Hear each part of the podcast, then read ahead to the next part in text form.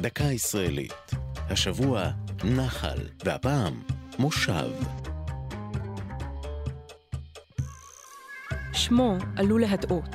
ליד היישוב נחלים תתקשו למצוא יובלי מים שוצפים, אבל אין מדובר בטעות, אלא דווקא בסכסוך שפרץ לפני קום המדינה. המושב נוסד חמש שנים לפני הכרזת העצמאות, כחלק מתוכנית עיבוי ההתיישבות היהודית בעמק החולה, שכונתה בחלקה מצודות אוסישקין, לכבוד יושב ראש הקרן הקיימת לישראל דאז. במקור תוכננו להיבנות בצפון אצבע הגליל שישה יישובים שייצגו את כל זרמי היישוב. השומר הצעיר, הקיבוץ המאוחד, תנועת המושבים, הציוניים הכלליים והציונות הדתית. אבל כשחברי ארגון ירושלים, נציגי הפועל המזרחי, החלו בבניית בתיהם, החלו חיכוכים ביניהם לבין שכניהם. המושב הדתי, שנקרא על שם נחלי מקורות הירדן שבקרבתו, זכה ליחס שלילי מצד הקיבוצים החילוניים.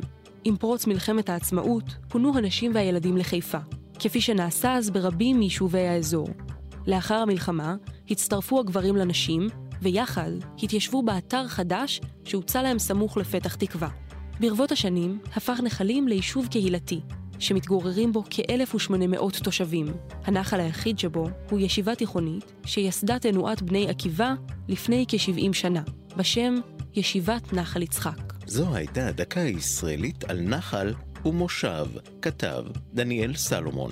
ייעוץ הפרופסור יוסי בן ארצי, הגישה ענבר פייבל.